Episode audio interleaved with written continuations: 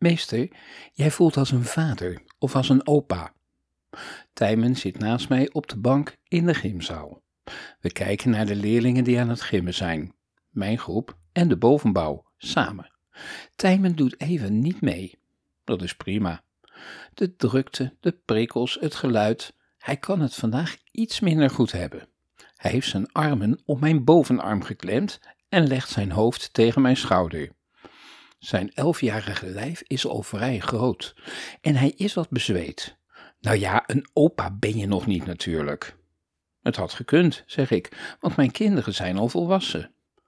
Oh, wat hou ik eigenlijk van deze kleine, maar toch zulke grote gesprekjes met leerlingen.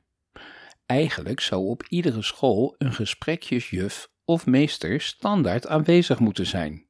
Zo iemand tegen wie een kind random kan beginnen met praten en die dan onvoorwaardelijk luistert. Daarom doet de combinatie kinderen-dieren het ook zo goed. Dieren kunnen Nivea niet invullen voor een ander, namelijk als de beste.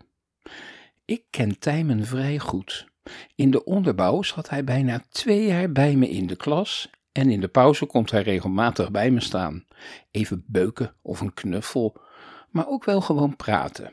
Vandaag is het echter geen praten, maar een gesprek. Of een verhaal.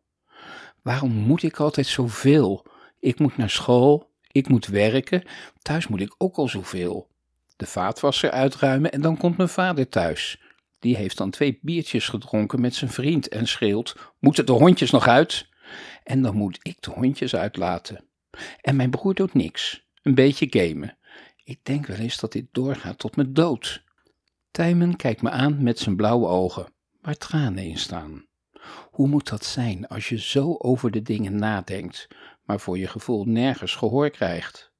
Omdat ik hem aankijk en niets zeg, gaat hij verder.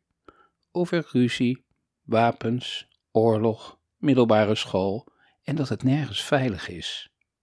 Wanneer het einde van de gymles daar is en ik geroepen word door mijn collega, vraagt Tijmen of hij nog even mee kan lopen. Kunnen we nog even verder praten? zegt hij. Zijn houding is al meer ontspannen. Dat moeten we dan maar even doen, zeg ik, en ik zie een klein glimlachje. En krijg een beuk.